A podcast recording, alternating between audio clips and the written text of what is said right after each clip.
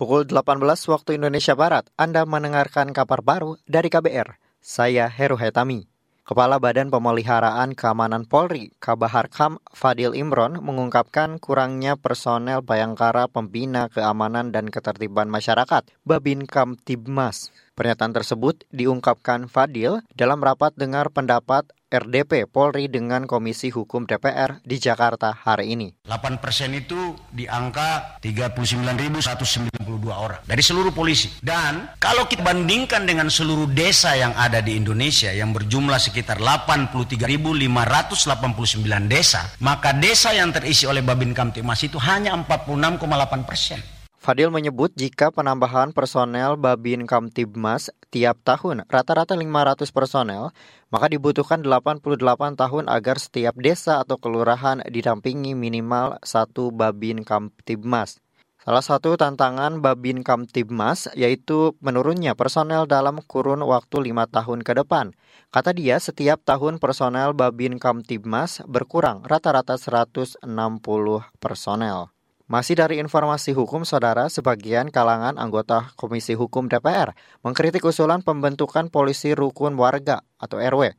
Anggota Komisi Hukum DPR Santoso mengatakan usulan itu tidak memberikan dampak yang luas dan signifikan. Pasalnya, kata dia, keberadaan RW di Indonesia cukup banyak namun ketersediaan personel sangat minim. Polisi RW, berarti semua di RW itu ada polisinya. Jadi kalau kita kalikan tiga saja ada 411 ribu sekian RW, kalau kali lima. Tapi kalau saya kalikan tujuh, 580 sekian ribu. Sementara jumlah personil seluruh Polri tidak sebanyak ini. Untuk itulah saran saya kepada Pak Padil supaya memprioritaskan keberadaan personil Babin Kantipas ini itu dulu prioritaskan.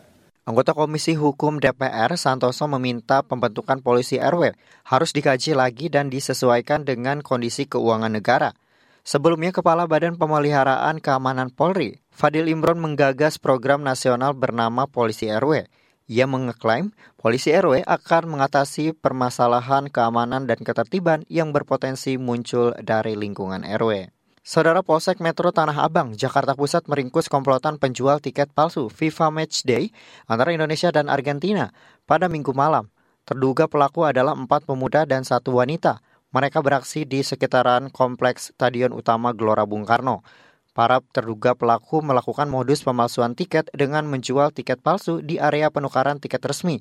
Ketika ditangkap, sudah 70 tiket palsu dijual. Ratusan lembar tiket palsu kategori 3 disita serta beberapa lembar tiket asli, kertas cetak, dan laptop.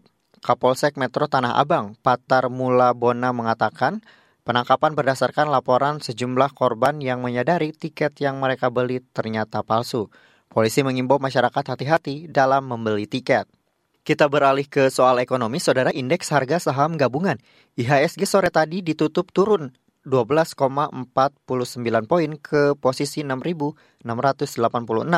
Sedangkan indeks LQ45 atau kelompok 45 saham unggulan juga turun 0,22 persen ke angka 950. Demikian kabar baru dari KBR, saya Heru Hitami. Salam.